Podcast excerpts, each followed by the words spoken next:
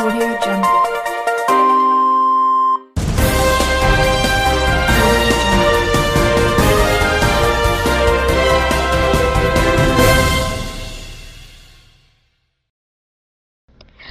pagi pendengar Radio FM, Berita Pagi hadir di ruang dengar Anda. Bersama saya, Nasya Sifana Putri. Sejumlah informasi telah disiapkan untuk menemani suasana pagi Anda. Di antaranya adalah Polda Metro Jaya menangkap kawanan residivis pencuri kendaraan bermotor yang kembali beraksi dengan berbekal senjata api rakitan.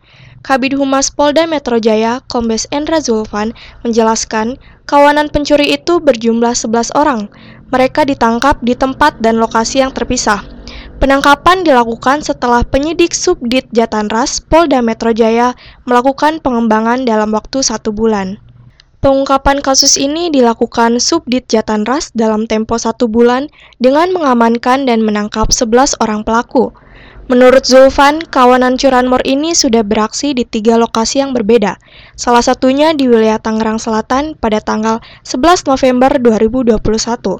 Pencurian kedua dilakukan komplotan ini pada tanggal 25 November 2021 di Tangerang Kota. Sedangkan aksi ketiga di wilayah Kabupaten Bekasi pada tanggal 17 Desember 2021.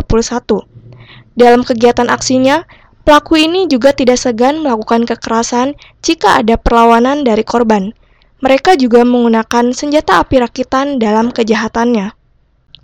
Kini, sebanyak 11 spesialis pencuri kendaraan bermotor tersebut sudah ditangkap dan ditahan Mapolda Metro Jaya.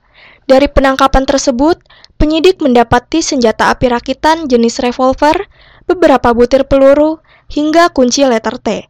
Kawanan pencuri itu juga sudah ditetapkan sebagai tersangka.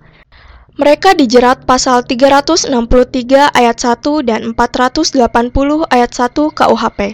Penyidik juga menjerat tersangka atas dugaan pelanggaran Undang-Undang Darurat Nomor 12 Tahun 1991 tentang kepemilikan senjata.